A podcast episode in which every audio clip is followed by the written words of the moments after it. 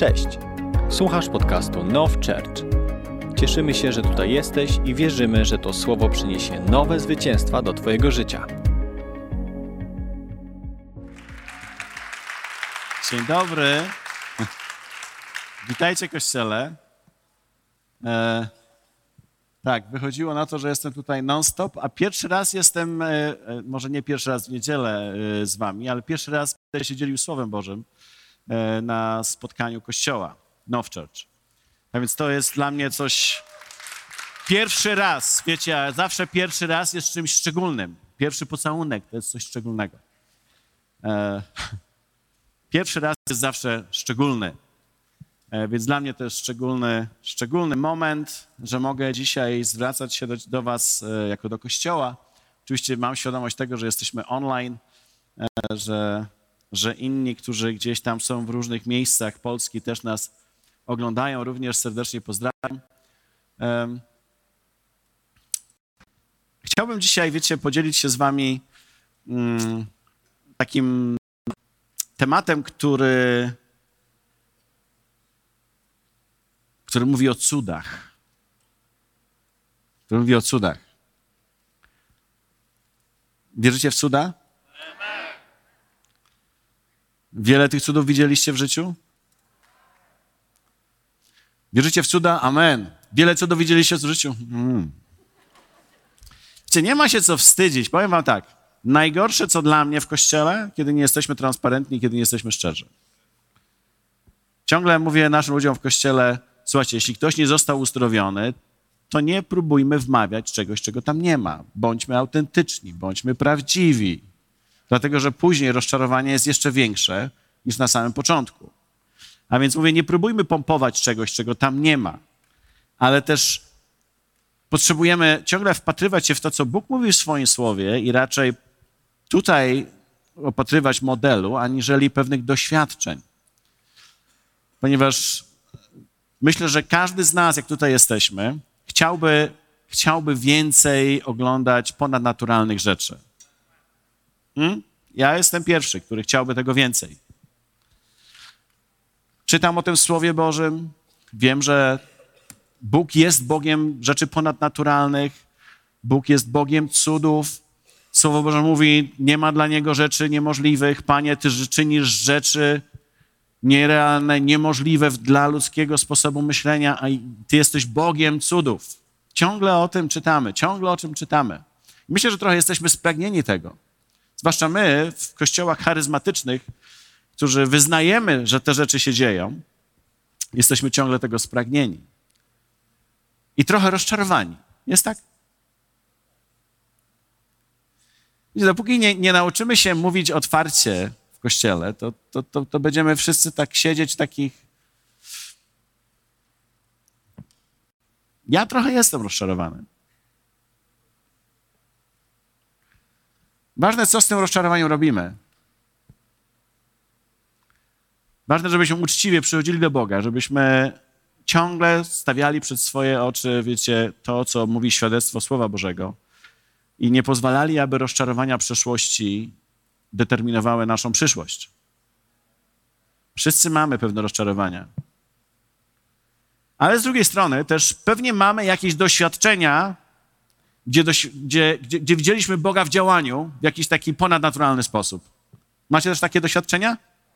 Ja mam. Chciałbym więcej, ale to nie znaczy, że ich nie miałem. Wiecie, chciałbym, żebyśmy przeczytali Ewangelię Marka, może nie całą. Następny raz, jak nie będę miał kazania, to całą Ewangelię Marka przeczytamy. To w jakiś sposób, jak nie masz kazania, to wtedy. Ósmy, ósmy rozdział i taki spory kawałek od pierwszego do dwudziestego pierwszego wersetu. Jak ktoś nie czyta Biblii, to przynajmniej tutaj porcję ze słowa posłucha.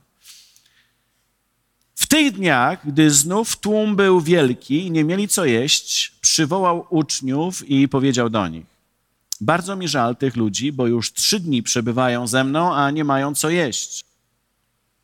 Gdybym ich głodnych rozpuścił do domów, opadną z sił po drodze, bo niektórzy przybyli z daleka. Jego uczniowie odpowiedzieli: Skąd tu na pustkowiu wziąć tyle chleba? żeby ich wszystkich nakarmić.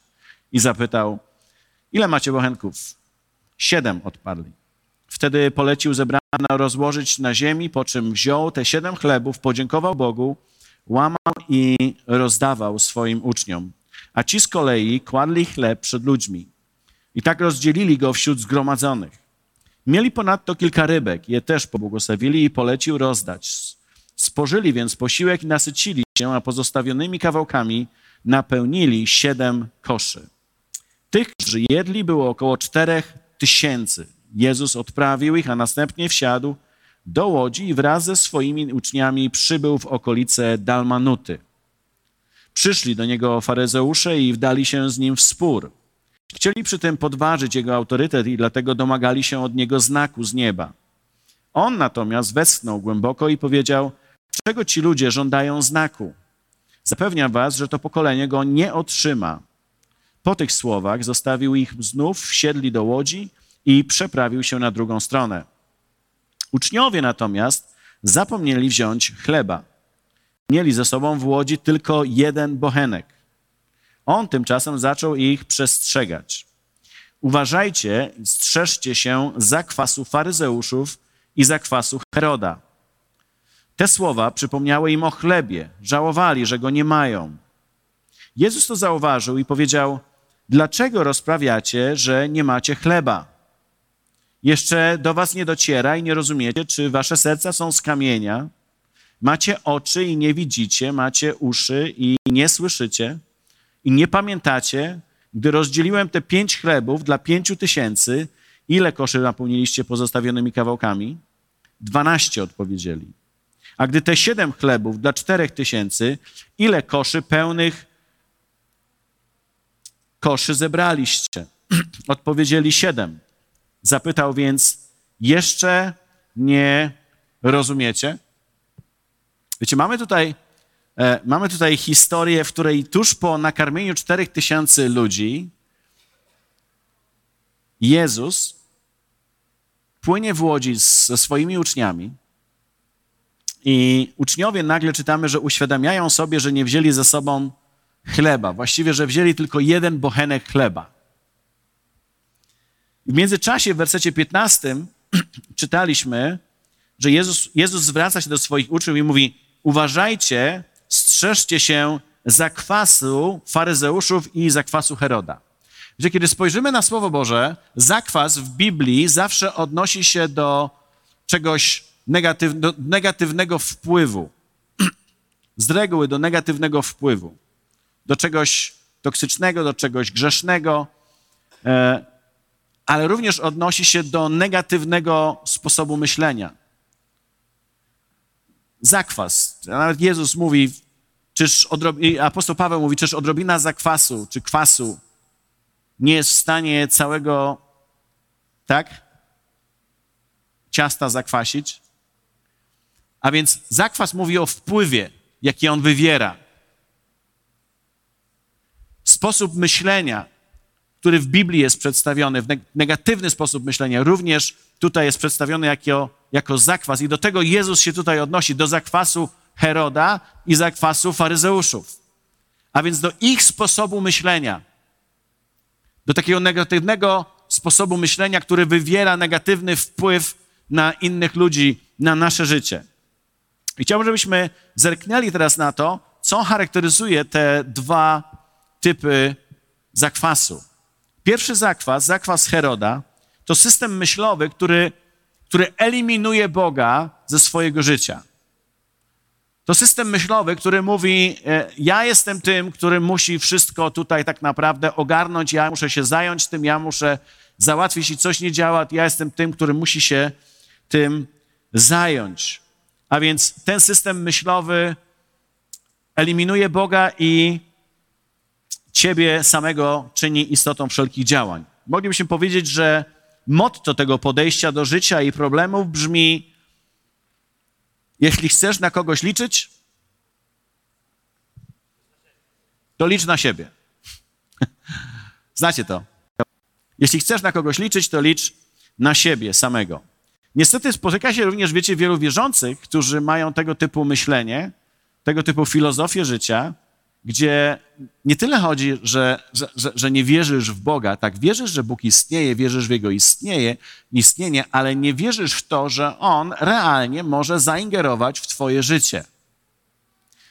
To jest trochę tak, Pan Bóg stworzył ten świat, uruchomił go i teraz, kiedy On już funkcjonuje, zostawił go i jakby nie za bardzo się tym wszystkim interesuje i wszystko jest teraz na naszej głowie, a więc jeśli ja czegoś nie zrobię, to nikt tego nie zrobi.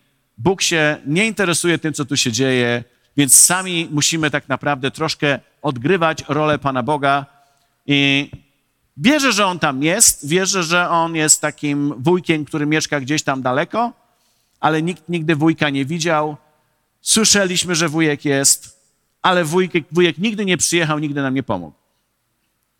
I pewnie nigdy nie przyjedzie, nigdy nie pomoże nigdy niczego nie przywiezie. Wyeliminowany z naszego życia. Mhm. To jest trochę taki nasz chrześcijański, praktyczny ateizm. A więc możemy być praktycznymi ateistami, jednocześnie będąc ludźmi wierzącymi. Nie ma tam miejsca na Boga, Jego interwencję. Myślenie typu Bóg pomaga tym, trochę takie wiecie, którzy sami sobie pomagają. Jest, jest tyle takich różnych frazesów, które krążą gdzieś w naszym świecie chrześcijańskim. My czasami powtarzamy je, nie do końca zdając sobie sprawę z tego, co one oznaczają. Że one eliminują Pana Boga z naszego życia. I to jest, to jest taki zakwas zakwas Heroda.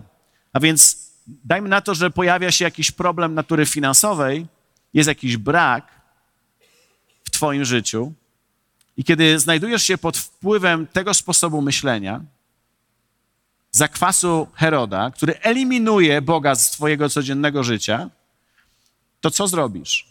Kiedy masz brak finansowy, prawdopodobnie weźmiesz drugą, trzecią, czwartą, piątą robotę, żeby to jakoś ogarnąć i prawdopodobnie nawet nie uwzględnisz Pana Boga, nie weźmiesz pod uwagę, żeby go zaprosić do tej sytuacji, żeby zobaczyć, jak on w tej mojej sytuacji, w której się znalazłem, jak on może się tutaj po prostu wpasować, co on może zrobić, złapać jego perspektywę, po prostu bierzesz trzy dodatkowe roboty i jakoś tam po prostu na, jakoś dociągniesz. Mhm. Bóg tam jest ciągle. Ale nie jest za bardzo obecny w Twoim życiu. Wiecie o czym mówię? Hmm? Ty jesteś zbawicielem swojego życia i samego siebie. Jeśli my tego nie zrobimy, to nikt tego za nas nie zrobi. To są tego typu hasła. Jesteśmy kowalami swojego losu. Następnym razem musimy się lepiej zorganizować. Jeśli sam o siebie nie zadbasz, nikt o ciebie nie zadba. Nie licz na to, że ktoś ci coś da. Teraz ty wiesz, jeśli, jeśli często tego typu hasła pojawiają się w twoim życiu, to wiedz, że prawdopodobnie znajdujesz się gdzieś w jakiś sposób pod wpływem zakwasu Heroda, pod wpływem tego rodzaju myślenia gdzie wyznajesz Jezusa swoim Zbawicielem, ale tak naprawdę Ty jesteś w praktyce samym Zbawicielem dla siebie. Ty zawsze musisz siebie wybawić. Praktyczny ateizm. Ale drugi rodzaj zakwasu, o którym tutaj czytamy, zakwas faryzeuszów, o którym Jezus. To kolejny zakwas. I teraz Jezus ostrzega nas tutaj, Wiecie, w, ogóle faryzeusze już źle nam się kojarzą. W Piśmie Świętym z reguły, kiedy mówimy o faryzeuszach, to coś negatywnego idzie. Więc kiedy, kiedy Jezus mówi o zakwasie jeszcze, zakwas już w ogóle, e, to, to nie jest dobrze. Ale wiecie, faryzeusze to była grupa ludzi, których cechowała wielka e, religijność. Ludzie niesamowicie religijni. I przeciwności do zakwasu Heroda, który eliminował Boga z, z, z życia codziennego, tak w przypadku faryzeuszy Faryzeusze całe swoje życie tak naprawdę, całe ich życie kręciło się wokół religii i wokół Boga. Oni bardzo dobrze znali pismo. Więc zobaczcie, jakby, jak, jak, jakie dwie skrajne, można powiedzieć, postawy. Z jednej strony praktyczny ateizm, który eliminuje Boga, wierzy, że On istnieje, ale eliminuje Jego z swojego codziennego życia, Bóg nie ingeruje. Z drugiej strony mamy zakwas faryzeuszy, bardzo religijni ludzie, Bóg jest w centrum, On jest najważniejszy. Wydawałoby się coś dobrego. A jednak, a jednak faryzeusze nie posiadają pewnego rodzaju doświadczenia i poznania Boga, mają dużą wiedzę, mają pewne poznanie religijne, pewną wiedzę biblijną, teologiczną, ale nie mają doświadczenia Boga. I to, na czym się skupiają, to na literze zamiast na duchu. Jezus również mówi, abyśmy wystrzegali się zakwasu faryzeuszy żebyśmy nie tylko byli ludźmi, którzy mają pewną wiedzę teologiczną, ale którzy żyją z dala od doświadczenia Boga. I teraz, kiedy, kiedy myślimy w tym kontekście o naszym chrześcijaństwie, to, to jest to pewna religia, czy też forma, pewna forma religii, która jest pozbawiona mocy. Słowo Boże również mówi o tym, o ludziach, którzy którzy mają pozory, stwarzają pozory pobożności i religijności, ale ich pobożność, ich religijność jest pozbawiona wszelkiej mocy. Nie ma tam żadnego działania, nie ma żadnego przejawu działania Bożej mocy, cudów, manifestacji, chwały itd., tak itd. Tak jest tylko, jest tylko suche podejście do słowa. Ciągłe rozważanie, ciągłe poznawanie go jako tako, jako litery. I to niestety też jest niebezpieczeństwem i jedno i drugie możemy zauważyć w kościele. Wiecie, jeżdżąc po różnych miejscach, spotykam się z różnymi ludźmi i, i uwierzcie mi, te, dwa, te dwie grupy ludzi możemy spotkać w kościołach. Tych, którzy są pod wpływem zakwasu Heroda i zakwasu faryzeuszy. Ci, którzy po prostu przychodzą do kościoła, ale i tak nie wierzą, że cokolwiek Bóg może zrobić, bo on nie ingeruje i tych, którzy mocno siedzą w słowie i ciągle się kłócą i dyskutują o tym, o tamtym i tak dalej, ale nie mają żadnego doświadczenia Pana Boga i dochodzą do pewnych wniosków, takich, że Bóg tak naprawdę już dzisiaj nie dokonuje żadnych ponadnaturalnych rzeczy. A więc bardzo dobrze znają teologię. On jest, Bóg jest obecny w ich życiu cały czas w sensie teologicznym, ale nie mają doświadczenia, ponieważ doszli do przekonania, że nie ma sensu kłopotać Pana Boga, nie ma sensu iść w tym kierunku, ponieważ Bóg działał kiedyś, ale nie działa już dzisiaj. Bóg uzdrawiał kiedyś, ale nie uzdrawia już dzisiaj. Czasami mu się przytrafi, coś tam zapomniał, że kiedyś działał, więc dzisiaj mu się wymsknie czasami coś i ktoś zostanie od czasu do czasu uzdrowiony, ale, ale tak naprawdę on już nie działa za bardzo. Nie mogliśmy się spodziewać czegokolwiek. I charyzmaty Ducha Świętego, i inne rzeczy nie działają. I również możemy dojść do takiego miejsca, wiecie, w którym uwierzymy w to, przyjmiemy tą koncepcję myślową. To nic, że nic się nie dzieje. Przecież nie chodzi o to, żeby się działo, chodzi o to, żeby, żebyśmy po prostu sobie poznawali Biblię, poznawali Słowo. Wtedy wszystko interpretujemy, cokolwiek się dzieje w naszym życiu, to zamiast modlić się o pewne przełomy, zamiast modlić się o ponadnaturalne rzeczy, to przyjmujemy to jako coś, co Bóg chciał, jako suwerenną wolę Bożą. Czyli ja nie chcę powiedzieć, że Bóg nie robi rzeczy jak chce, on jest suwerenny. Ale ten rodzaj myślenia zahacza trochę o, o fatalizm, gdzie cokolwiek się dzieje, i to wiecie, to, czasami to przeraża, ponieważ Wielu ludzi w kościołach używa takiego zwrotu: najwidoczniej Bóg tak chciał. To jest takie bardzo znane. Najwidoczniej Bóg tak chciał. I czasami to są bardzo oczywiste rzeczy, w których wiesz, że Bóg tak nie chciał. Kiedy mówimy na przykład o śmierci dziewiętnastolatka, ludzie mówią, widocznie Bóg tak chciał, że zginął w wypadku samochodowym. Widzisz, ale, ale Słowo Boże mówi również o przedwczesnej śmierci. Jeśli, jeśli Biblia mówi o przedwczesnej śmierci, to znaczy, że ona przyszła zbyt wcześnie, że nie powinna się wydarzyć w tym czasie. I to nie Bóg tak chciał, tylko ktoś podjął niewłaściwą decyzję. Ktoś stał się ofiarą decyzji tego i tamtego, i efekt tego jest taki, że ten ktoś zmarł. Nie możemy wszystko to, co się dzieje, tylko dlatego, że coś się nie wydarzyło, co byśmy chcieli, żeby się wydarzyło, albo w drugą stronę, nie możemy mówić, że Bóg tak zawsze chciał, bo wtedy będziemy fatalistami. Jeśli drzwi nie działają w budynku kościoła, to nie będziemy ich naprawiać, bo Bóg tak chciał. Fatalizm. Ale Biblia nigdzie nie naucza nas fatalizmu. Biblia zachęca nas do tego, żebyśmy byli aktywni, żebyśmy podejmowali pewnego rodzaju działanie, zaprasza nas do miejsca modlitwy, aby zmieniać rzeczywistość, która jest w tym świecie, która nie jest podporządkowana Bogu, która, która nie funkcjonuje w Bożym Królestwie i potrzebujemy to Boże Królestwo tam wprowadzać. A więc i jeden zakwas, i drugi zakwas jest czymś, przed czym Jezus nas ostrzega i mówi, żebyśmy się po prostu wzbraniali przed tym, żebyśmy uważali, żebyśmy nie weszli pod wpływ tego rodzaju myślenia w Kościele.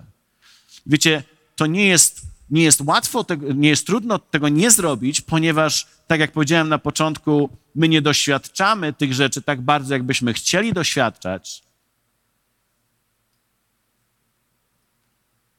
I w tych momentach łatwo jest pójść w jednym z tych kierunków, a może po prostu czytajmy sobie, zaznajmiajmy się z historiami biblijnymi.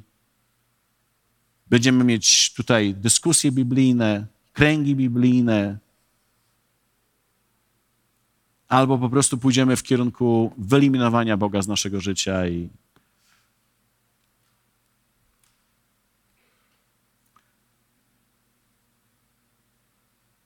z pewnością Bóg w swojej suwerenności sprawił, że stało się tak, a nie inaczej.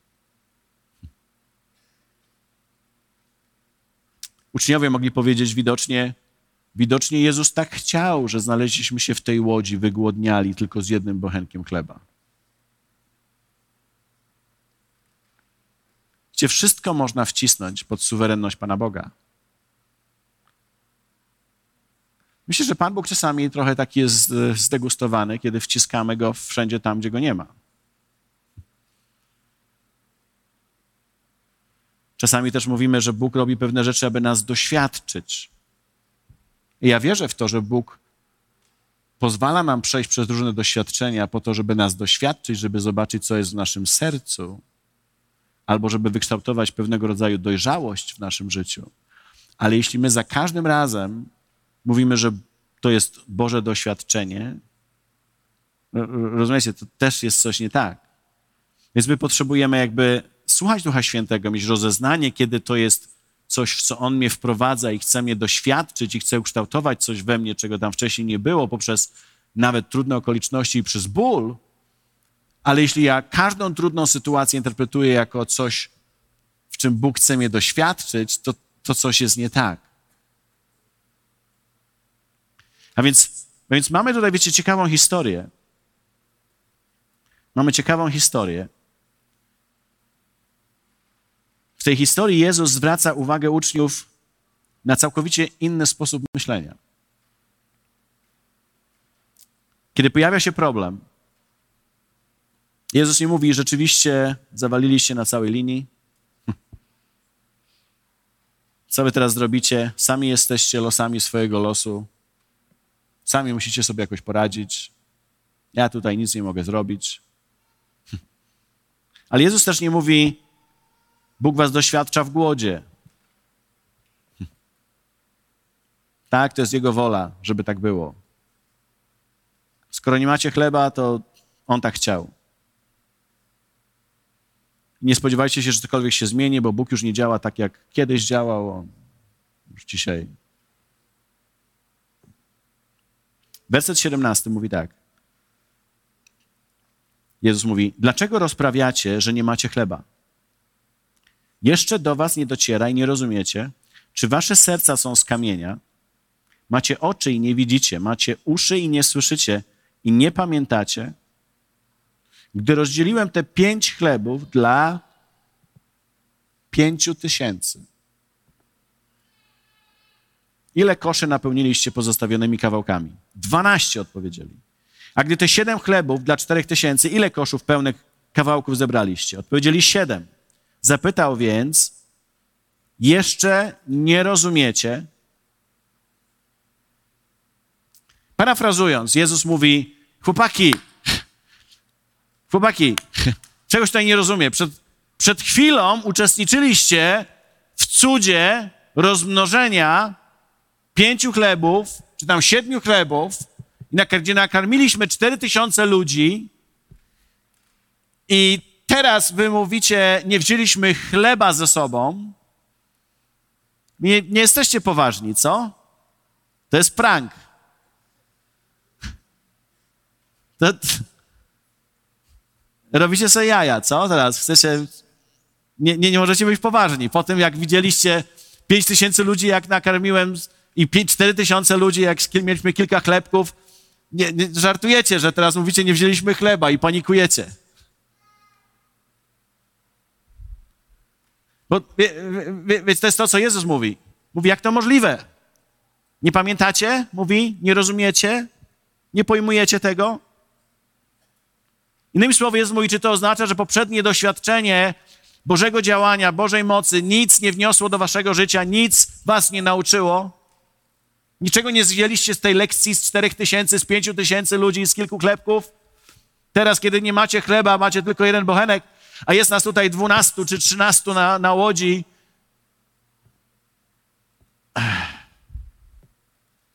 Miał powód się wkurzyć?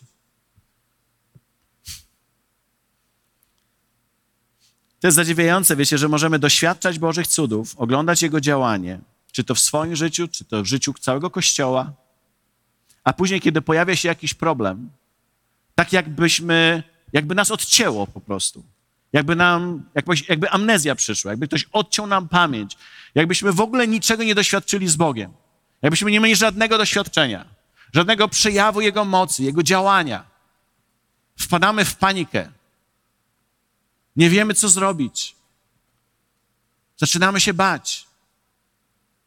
I w ogóle nie myślimy w kontekście, że Bóg mógłby dokonać czegoś ponadnaturalnego w tej sytuacji. Nie wzięliśmy chleba ze sobą.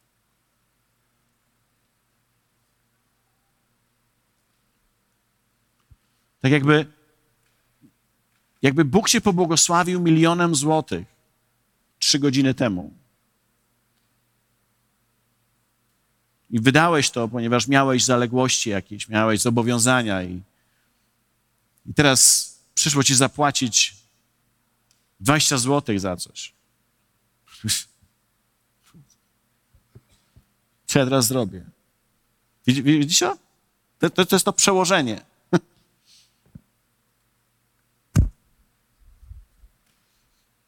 Z konia dwie dychy skołuje. Cztery godziny temu milion przyszedł.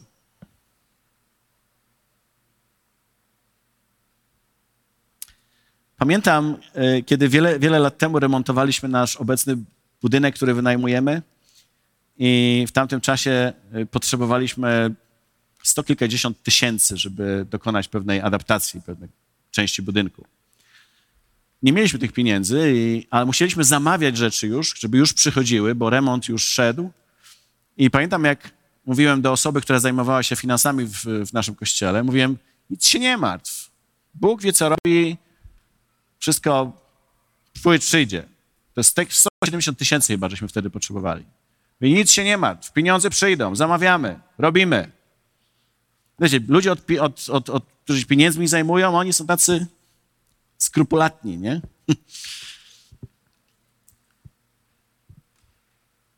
I rzeczywiście te pieniądze przyszły. Mógłbym wam powiedzieć wiele niesamowitych świadectw tego, jak Pan Bóg po prostu zaopatrywał i pieniądze, i przychodziły różne inne rzeczy, o których byśmy sobie nie wyobrazili. Nie mieliśmy takiego scenariusza w ogóle, że coś takiego może się pojawić. Potrzebowaliśmy na przykład klimatyzację zamontować na głównej sali, żeby też jakieś ogrzewanie było.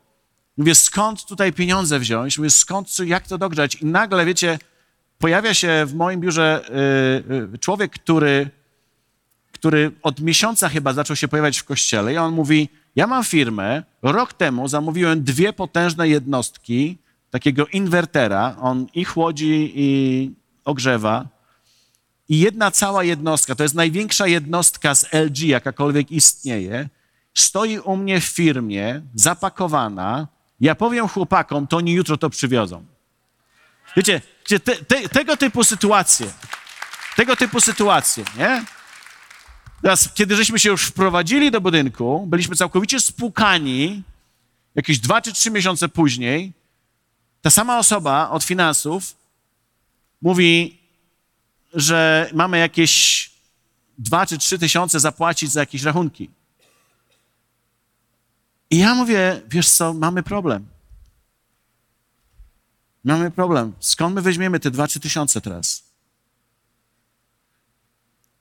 I ona, mu, ona mówi tak, Wojtek,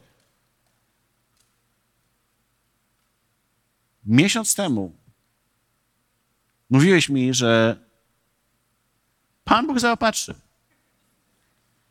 170 kawałków. Nie przejmuj się, zamawiaj. Dzisiaj mamy 2 czy 3 tysiące do zapłacenia i ty zadajesz mi pytanie, skąd my weźmiemy pieniądze? Uuu, wiecie, to było jak kubeł zimnej wody dla mnie. Złapałem się na tym, jak, jak, jakbym w ogóle zapomniał o tym, co wydarzyło się jeszcze miesiąc temu.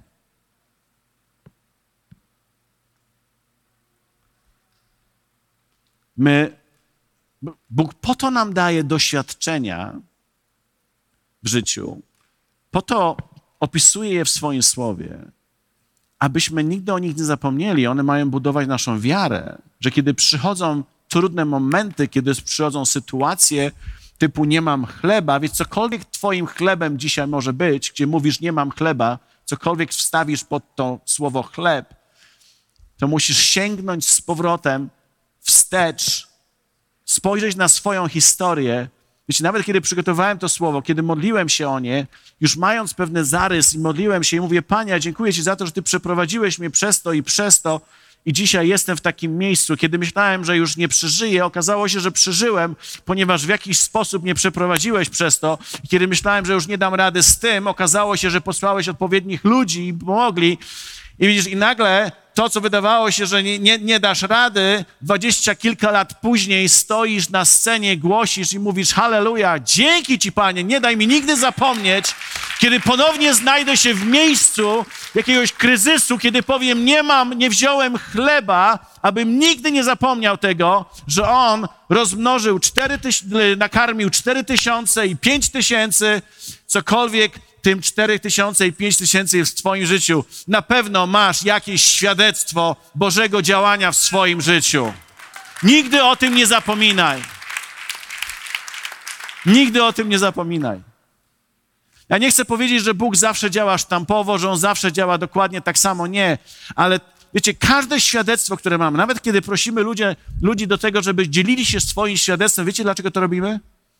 Ponieważ świadectwo ma w to w sobie, że kiedy dzielisz się świadectwem o tym, co Bóg zrobił w Twoim życiu, to ono daje komunikat do życia innych ludzi, że jeśli Bóg już to gdzieś kiedyś zrobił, to znaczy, że On może to zrobić raz jeszcze.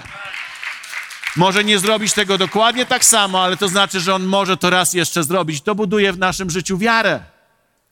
Dlatego świadectwo zawsze powinno być obecne w życiu Kościoła. Świadectwo nie tylko tego, co Bóg czynił kiedyś, ale świadectwo tego, co Bóg czyni dzisiaj w życiu ludzi, którzy są częścią tego kościoła. Nawet jeśli nie mamy spektakularnych, wiecie, jakichś uzdrowień, spektakularnych cudów, to potrzebujemy doglądać jednak tych przejawów Bożego działania i dzielić się nimi i iść z wiary w wiarę, z chwały w chwałę, z mocy w moc, z jednego wymiaru doświadczenia mocy w jeszcze większy wymiar doświadczenia Jego mocy, ale nigdy nie powinniśmy wejść pod zakwas ani Heroda, ani faryzeuszów, żeby odpuścić i powiedzieć, a widocznie to się skończyło. Albo żeby uwierzyć w to, że jednak jak sam sobie nie pomogę, to nikt już nie pomoże. Pan Bóg tam siedzi na tronie i guzik go to obchodzi.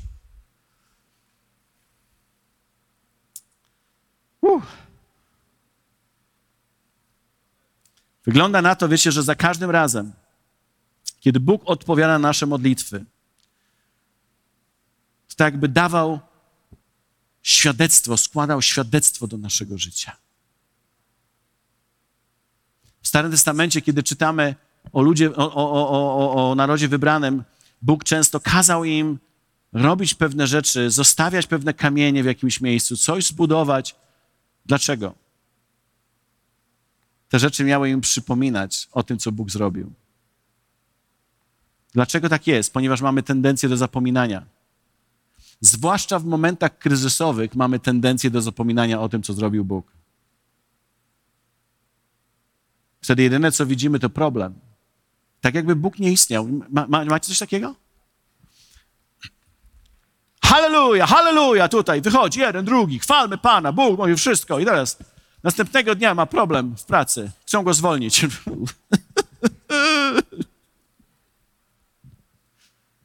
Bóg nie istnieje.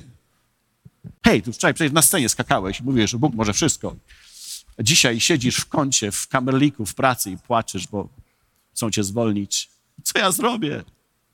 Co ja teraz zrobię? 30 lat pracowałem w tej firmie. Już nigdzie nie znajdę pracy, zostanę bez pracy, będę pod mostem. Już masz wizję, piszesz scenariusz. Ale wczoraj na scenie było hej! Odcięło pamięć. Bóg? I dlatego czasami, wiecie, potrzebujemy z kimś się spotkać, z jakimś bratem, z siostrą z kościoła, który przyjdzie i powie, hej, chciałem ci przypomnieć, że jest jeszcze Bóg. A.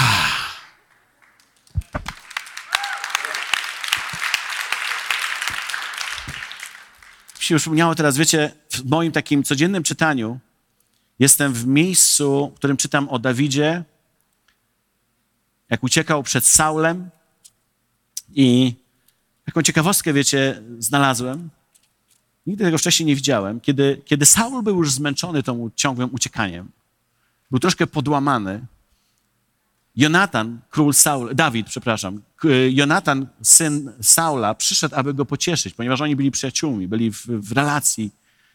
I, I czytamy tak. Wówczas Jonatan, syn Saula, powstał i wybrał się do Dawida, do Horszy, gdzie. I teraz pierwszy raz to zobaczyłem, wiecie. Wskazując na Boga, dodał mu otuchy. Widzisz, to jest to, co musisz czasami zrobić. Kiedy, kiedy twój brat, kiedy twoja siostra, kiedy ktoś z kościoła jest załamany, kiedy ciągle przechodzi przez jakieś trudności, potrzebujesz udać się do niego i wskazać na Boga, dodając mu tym samym otuchy. Musisz usiąść i powiedzieć: Hej, ale mamy Boga, o którym tutaj ciągle mówimy.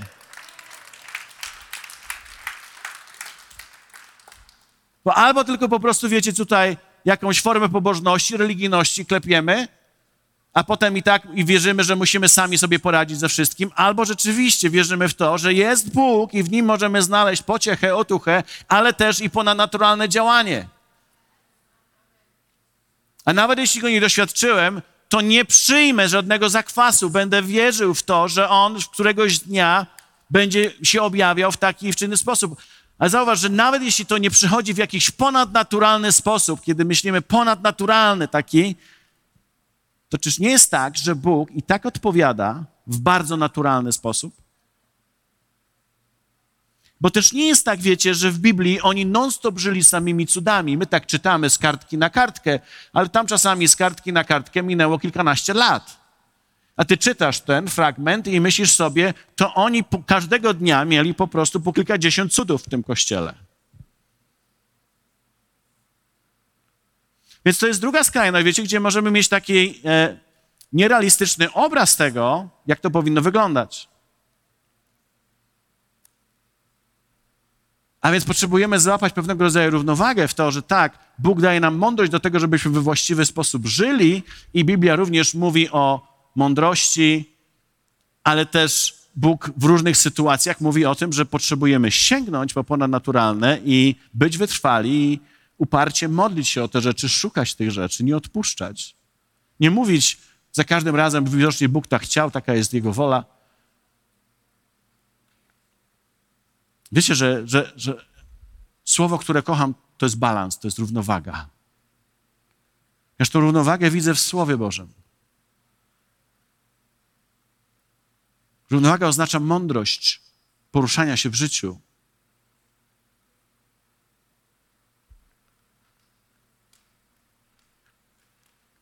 Kiedy mówimy wiecie, o uzdrowieniu, żeby powiedzieć, że potrzebujemy cudu do tego, żeby być uzdrowionym, ale potrzebujemy mądrości do tego, żeby chodzić w zdrowiu. Jedno i drugie, że tak powiem, jest w Słowie Bożym. Jedno i drugie jest ważne. Potrzebujemy mądry sposób żyć, żeby nie doprowadzać do tego i do tamtego. Ja wiem, że nie jesteśmy w stanie przewidzieć wszystkiego, ale jeśli każdego dnia będę jadł w McDonaldzie, to niektórzy się zaśmiali. Single. Wiesz, ale, ale to z, jak, z czasem jakby to się odbije w jakiś sposób na twoim zdrowiu, tak? Nie? Nie.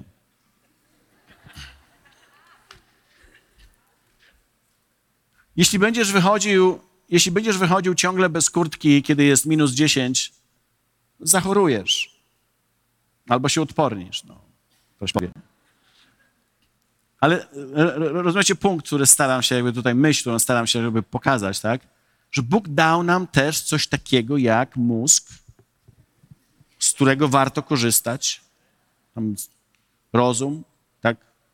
tak? Zwłaszcza w kościołach charyzmatycznych trzeba czasami przypominać, że taki organ jest.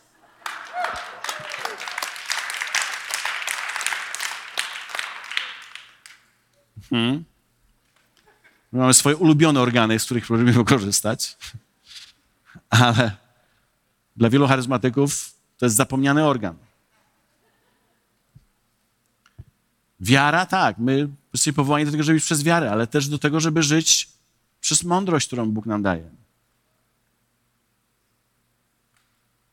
Ewangelia, Ewangelia tak naprawdę jest jak samolot, który ma dwoje skrzydeł.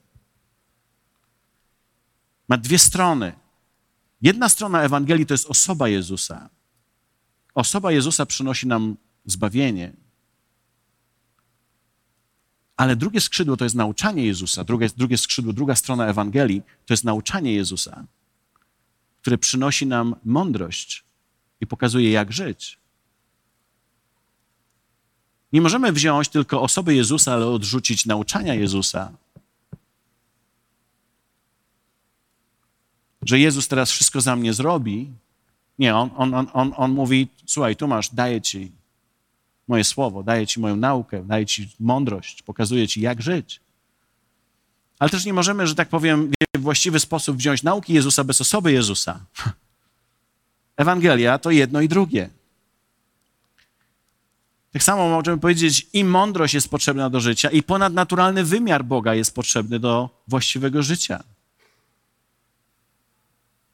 A więc, a więc Jezus daje nam różnego rodzaju doświadczenia, żebyśmy żebyśmy nigdy nie zapomnieli w przyszłości, że On jest tak naprawdę tym, który może nas wyprowadzić z każdej opresji.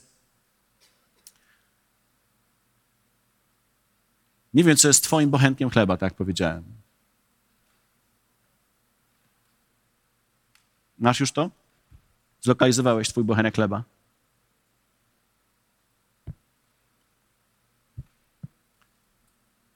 Chciałbym Cię zaprosić dzisiaj do czegoś.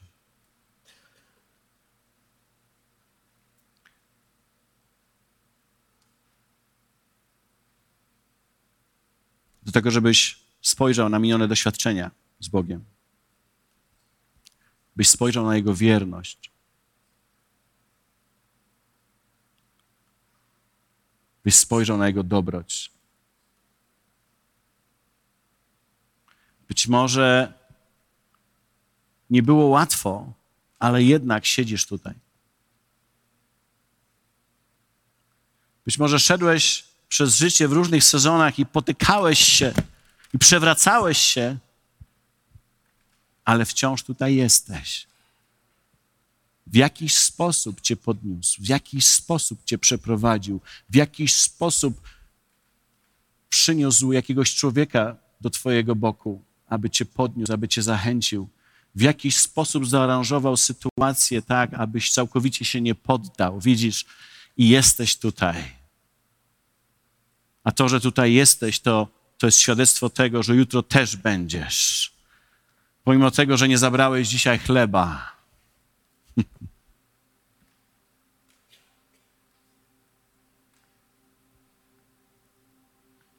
Wiecie, ciekawe co by było, gdyby uczniowie w obliczu tamtego problemu, braku chleba, wspomnieli na minione doświadczenia Boga, Jego mocy, Jego działania i przyszli do Niego i poprosili o cud. Co by było? Nie wiemy, ale to jest ciekawe, to mnie zastanawia. Co by było, gdyby wzięli ten jeden bochenek chleba, który mieli, przyszli do Jezusa i powiedzieli: Jezu, zapomnieliśmy chleba, mamy tylko jeden bochenek ze sobą.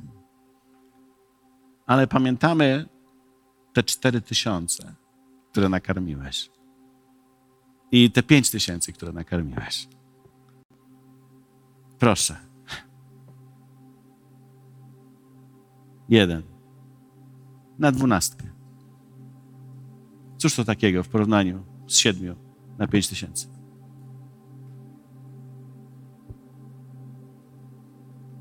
Zastanawiam się, czy, czy czasem nie mamy tutaj do czynienia z cudem, który się nigdy nie wydarzył. Się zastanawiałem się w życiu, ile takich cudów, które się nigdy nie wydarzyło w moim życiu, mogło być. Gdybym, gdybym przyszedł do niego.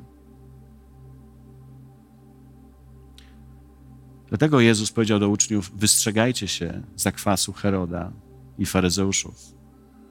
Mhm. Nie eliminujcie Boga ze swojego życia, próbując być zbawicielami. Nie przyjmijcie koncepcji, że On już nie działa dzisiaj Czytamy, Jezus Chrystus jest wczoraj, dziś i na wieki ten sam. No dobra, pastorze, ale to dlaczego te rzeczy się nie dzieją tak, jakbyśmy chcieli? Nie wiem. Nie wiem.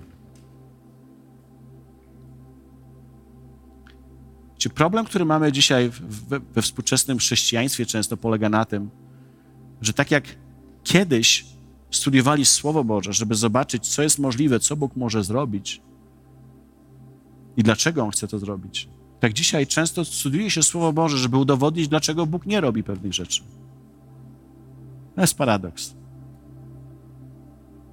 Widzisz, albo On dlatego nie działa w ten sposób, bo szukamy powodów dla Jego niedziałania. Zamiast, zamiast szukać tego, co szukali pierwsi chrześcijanie. Dlaczego Bóg działa?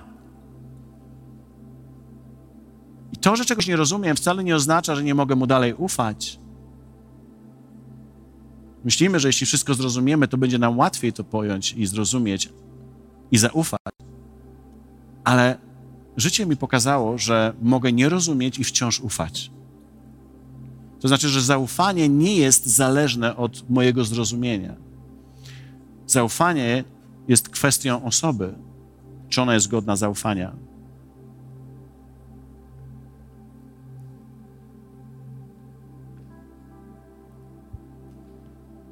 Z jakim bochenkiem chleba nigdy nie przyszedłeś do Jezusa?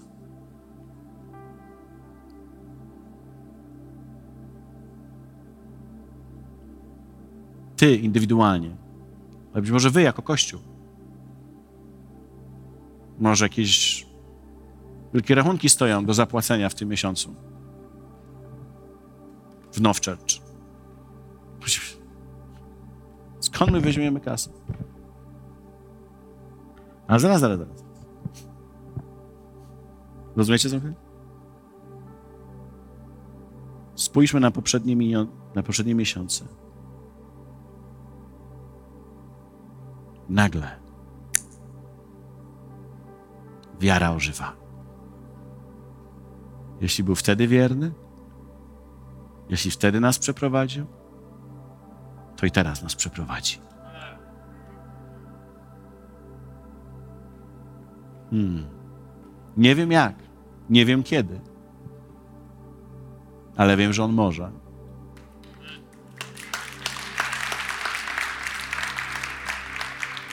Hmm. Chciałbym, żebyśmy powstali, więc nie będziemy robić wyzwania żadnego, ale chciałbym, żebyśmy powstali.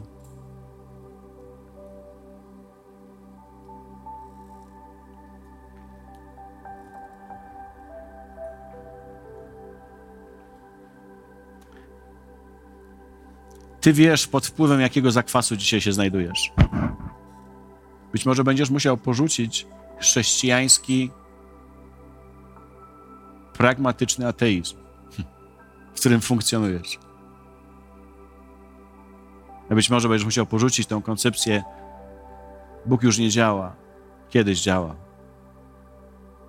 I na nowo zacząć patrzeć na Niego tak, jak Słowo Boże o Nim mówi. Może będziesz musiał przestać studiować Słowo pod kątem tego, dlaczego Bóg już nie działa. I zacząć czytać te rzeczy, które mówią o tym, dlaczego On działa.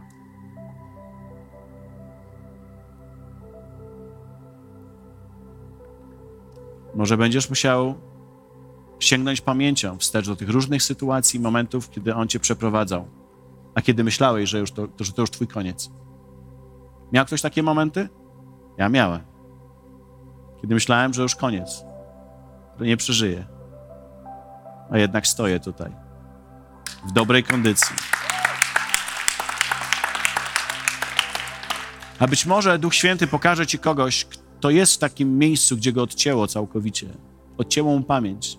I tak jak Jonatan przyszedł do Dawida, będziesz musiał może pojechać do niego i, i tak jak czytamy, wskazać na Boga, dodając mu tym samym otuchy. Powiedzieć mu, dobry jest Bóg, wierny jest Bóg. To jest tak, jak czytamy w szóstym rozdziale Księgi Izajasza o tych niebiańskich istotach, które latały, śpiewały cały czas święty, święty, święty. Serafy. Zadziwiające jest to, że one nie śpiewały do Boga święty, święty, święty. One śpiewały do siebie nawzajem święty, święty, święty. Wiecie, czasami są, są, są momenty, właśnie to, to jest piękno Kościoła, kiedy my potrzebujemy do siebie nawzajem powiedzieć: Hej, wiem, przez co przechodzisz, wiem, że nie jest łatwo, ale spójrz na Niego. Święty jest Pan. Święty jest Pan, dobry jest Pan, wierny jest Pan. I pomagasz temu komuś odzyskać pamięć. I powoli dźwigasz jego wzrok z problemu, na którym jest zafiksowany, z powrotem na Boga. Jezus mówi: Rozprawiacie o tym, że nie macie chleba.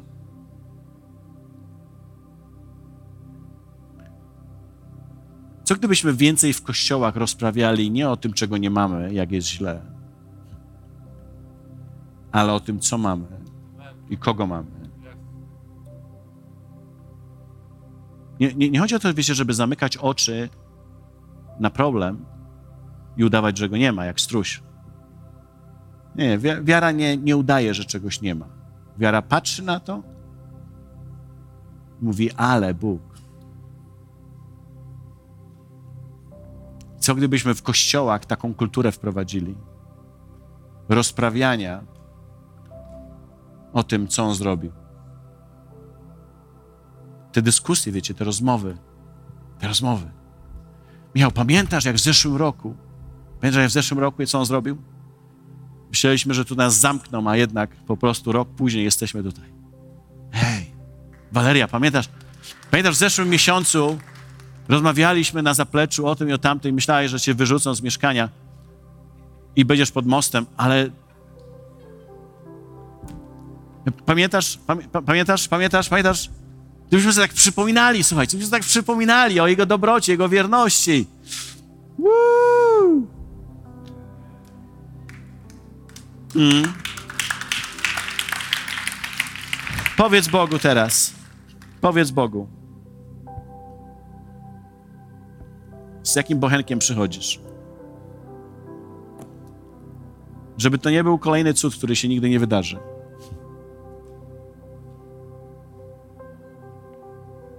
Zamknij swoje oczy, powiedz mu.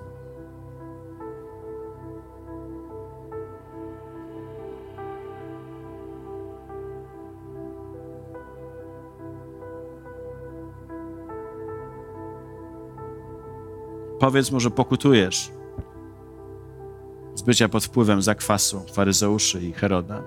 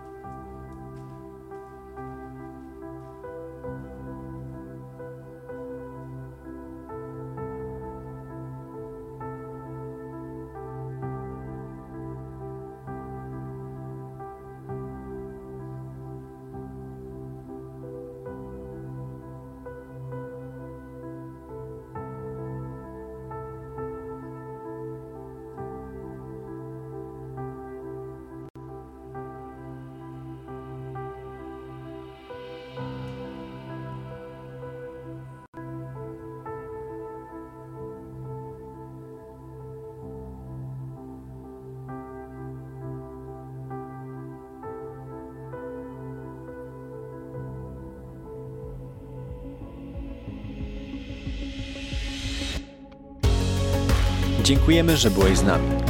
Jeśli chcesz dowiedzieć się więcej o naszych działaniach lub nas wesprzeć, zapraszamy Cię na www.nationsonfire.org ukośnik nowchurch.